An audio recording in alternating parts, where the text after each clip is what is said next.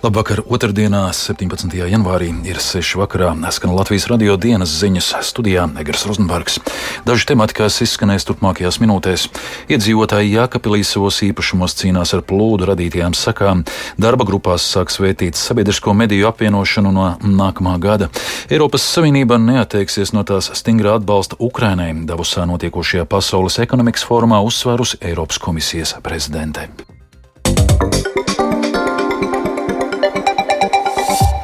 Jākapils novada pašvaldība izplatījusi paziņojumu ar aicinājumu iedzīvotājiem atsūknēt no palūdens savu īpašumu, tajā skaitā pagalmu un dārzu.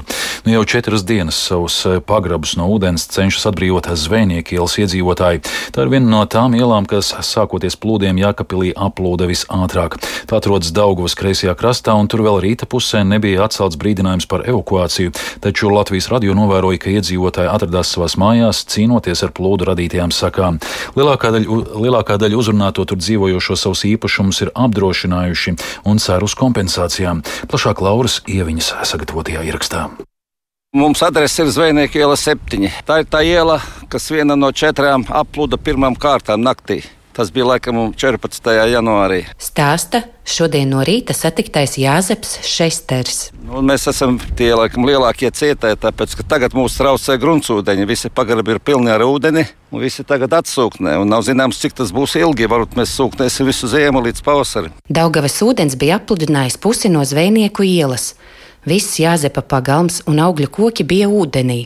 Šodienu laikā ūdens pamazām ir atkāpies, un tagad ceļš ir sauss. Pilsētas dambis, viņš tieši šeit arī beidzas ielas galā. Mūsu apludina nevis tas ūdens, kas parasti nāk teiks, pilsētā, bet tas, kas nāk varskot ārpus dambja, mūsu augšpusē apludinājumu. Un tā, ka tagad, ja celsies ūdens līmenis, mēs atkal būsim tie pirmie, kas plūdīs. Zvejnieku ielā trīs sastaptā Anita Leja kopā ar vīru visu šo laiku ir palikusi savās mājās, pieskatīt īpašumu. Viņa stāsta, ka arī kaimiņu mājās evakuējušies lielākoties tikai bērni un veci cilvēki.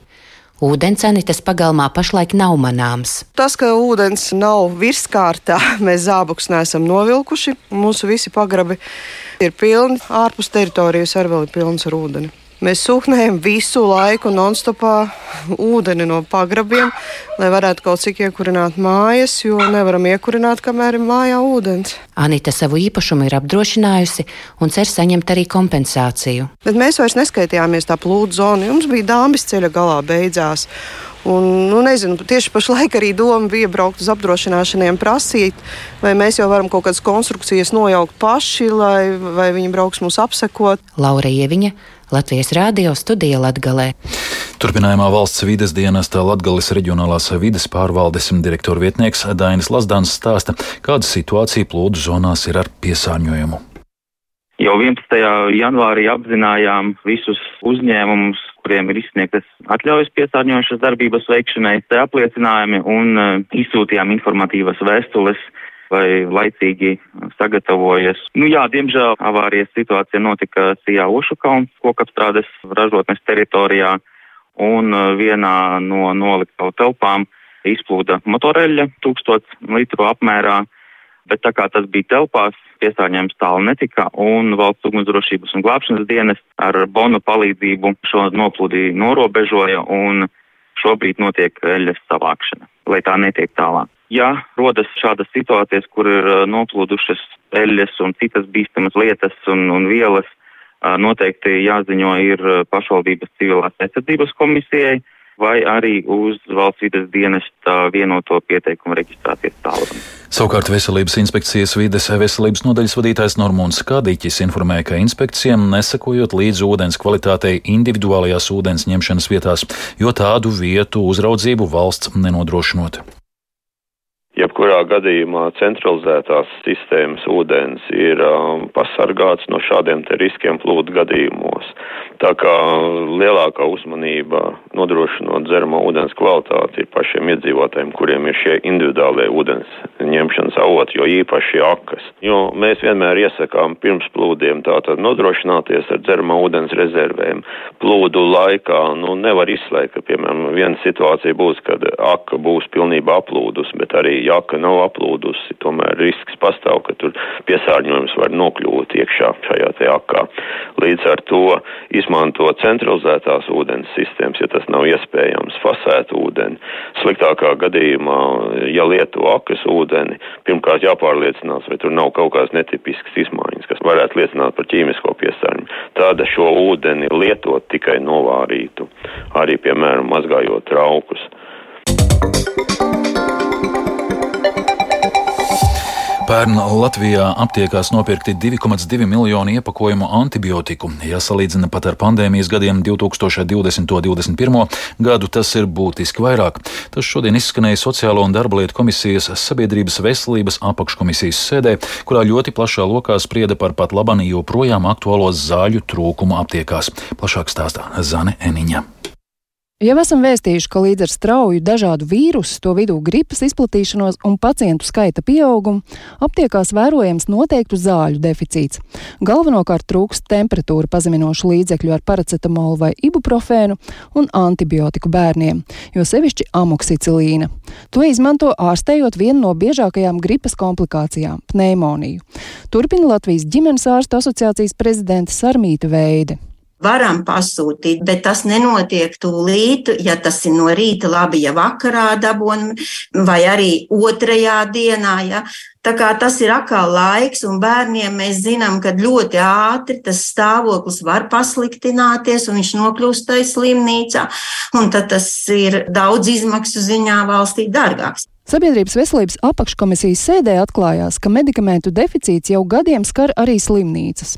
Uz to norādīja Bērnu Kliniskās universitātes slimnīcas klīniskā farmaceite Ineses Viestiņa. Slimnīcā šī problēma nav mazāka. Un mēs patiesībā slimnīcas farmaceiti gadiem runājam, tam pašam farmācijas departamentam ziņojam, sniedzam zāļu valsts aģentūrai atskaites, ka mums ir grūtības sagādāt ne jau tikai šo amoksicilīnu un ibuprofēnu, bet ir virkne citi stacionāros lietojamie medikamenti, kurus nu vismaz gadus jau desmit ir grūtības sagādāt. Ines Sviestiņa norādīja uz nepieciešamību uzlabot kārtību, kas nosaka, kā valstī veidojamas zāļu rezerves dažādām krīzes situācijām. Atklājoties šīm un virknei citu ar medikamentu apgādi un arī kompensāciju saistītu problēmu, kas pat labam nonākušas plašākas sabiedrības redzeslokā, bet nozares speciālistiem bijušas zināmas jau sen, atbildīgās komisijas deputāti nolēma pie šiem jautājumiem vēl atgriezties. Zana Eniņa, Latvijas radio. Saimas cilvēktiesību un sabiedrisko lietu komisija plāno sabiedrisko mediju apvienošanas un finansēšanas modeļa pārmaiņu stratēģiju virzību. To īstenošanai veidos starp nozaru darba grupas. Mērķis - sabiedrisko mediju apvienošana jau no nākamā gada. Vairāk Jāņa Kīņša sagatavotajā ierakstā. Sabiedrisko elektronisko plašsaziņas līdzekļu padomes stratēģijas paredz, ka Latvijas televīzija un Latvijas radio kā vienots sabiedriskais mēdījis varētu darbu sākt nākamā gada pirmajos mēnešos. Plānots veidot vienu juridisku personu ar kopīgu valdi piecu cilvēku sastāvā. Saglabātos trīs platformas - Latvijas radio, Latvijas televīzija un interneta vietne LSMLV. Arī ziņu dienesta apvienošana nav paredzēta, lai neradītu draudu satura daudzveidībai. Taču apvienotajā medijā paredzēts veidot satura attīstības centru, kur vienoties par sadarbības idejām. Apvienošanās ieguvumu uzskaitījumu turpina padomas vadītājs Jānis Siksnis. Tas ir digitālais saturs. Šobrīd to patērē arvien vairāk gan esošie radio, gan televīzijas lietotāji. Tikai vienotā mēdījā mēs varam tiešām efektīvi plānot un īstenot tehnoloģiskās un, un infrastruktūras attīstības programmu. Šobrīd ir daudz dažādu juridiskie šķēršļi tajā brīdī, kad grib abi mēdīji kādus kopīgus projektus īstenot. Lielākā sabiedrisko mediju problēma ir nepietiekamais finansējums, tāpēc otra sagatavotā koncepcija paredz finansējumu modeļa maiņu, lai piecu gadu laikā tiektos uz Eiropas Savienības valstu vidējo līmeni sabiedrisko mediju finansēšanai. Tie ir 0,16% no iekšzemes koprodukta. Lai to panāktu, iespējamais virziens būtu daļas iedzīvotāja ienākuma nodokļa vai akcijas nodokļa ieņēmumu novirzīšana sabiedriskajiem medijiem. Apvienošana nozīmētu arī vienotu atalgojumu modeļu izstrādi. Šādu redzējumu atzinīgi vērtē abu sabiedrisko mediju vadība. Saimas deputātu teiktajā bija dzirdams atbalsts sabiedrisko mediju apvienošanas un turpmākas attīstības scenārijam. Sarunas par to ilgušas vairāk nekā desmit gadu, taču šoreiz sabiedrisko mediju apvienošana un pēc laika to finansējuma modeļa maiņa iekļaut arī valdības deklarācijā. Sabiedrisko elektronisko plašsaziņas līdzekļu padome turpmāko darbību plānu Latvijas radio un Latvijas televīzijas apvienošanā sagatavos līdz nākamajai nedēļai. Pirmais uzdevums pavasarī būs sabiedrisko mediju likuma izmaiņas. Jānis Kincis, Latvijas radio. Par nepatiesu ziņu sniegšanu Centrālajai vēlēšanu komisijai apsūdzētā 14. saimas deputāte Glorija Greftsova no partijas stabilitātei savu vainu izvirzītajā apsūdzībā neatzīst. To viņa šodienā pavēstīja notikušajā tiesas sēdē. Greftsova iepriekš atteikusies paust viedokli par izvirzītu apsūdzību, tāpēc pieņemts lēmums par lietas nodošanu vispārējā kārtībā. Viņai piemēroti drošības līdzekļi, kas nav saistīti ar brīvības atņemšanu. Deputātei būs jāziņo par dzīves vietas maiņu un ir aizliegts izbraukt no valsts. Par melošanu Centrālajai vēlēšanu komisijai deputāti varētu sodīt ar īslaicīgu brīvības atņemšanu no 15 dienām līdz 3 mēnešiem, sabiedrisko darbu no 40 līdz 280 stundām vai naudas sodu līdz 100 Latvijā noteikto minimālo mēnešu algu apmērā.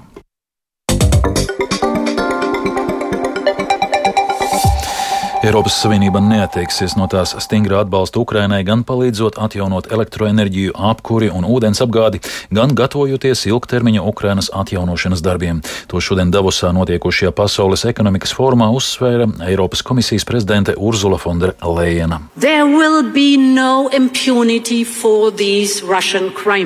Šie Krievijas noziegumi nepaliks nesodīti, un mani draugi, mēs nepārtrauksim mūsu nelokāmo atbalstu Ukrainai, gan palīdzības elektrības, apkuras un ūdens piegāžu atjaunošanā, gan gatavojoties ilgtermiņa Ukrainas atjaunošanai. Un, lai vēlreiz apliecinātu šo atbalstu, mēs vakar paziņojām, ka Eiropas komisija sniedz finansiālu atbalstu 3 miljardu eiro apmērā. Šī ir pirmā daļa no mūsu 18 miljardu atbalsta paketes 2023. gadam, kas ir visu laiku lielākā makrofinanciālā palīdzība trešajai valstī. Un tas stiprinās Ukrainas finansiālo stabilitāti, palīdzēs maksāt algas un nodrošinās slimnīcu, mājokļu pakalpojumu un skolu darbību. Es tikai vēlos teikt, mana mīļā Olena, un es domāju, ka varu runāt šīs zāles un publikas vārdā, mēs būsim klātesoši tik ilgi, cik nepieciešams un stāvam blakus saviem ukraiņu draugiem.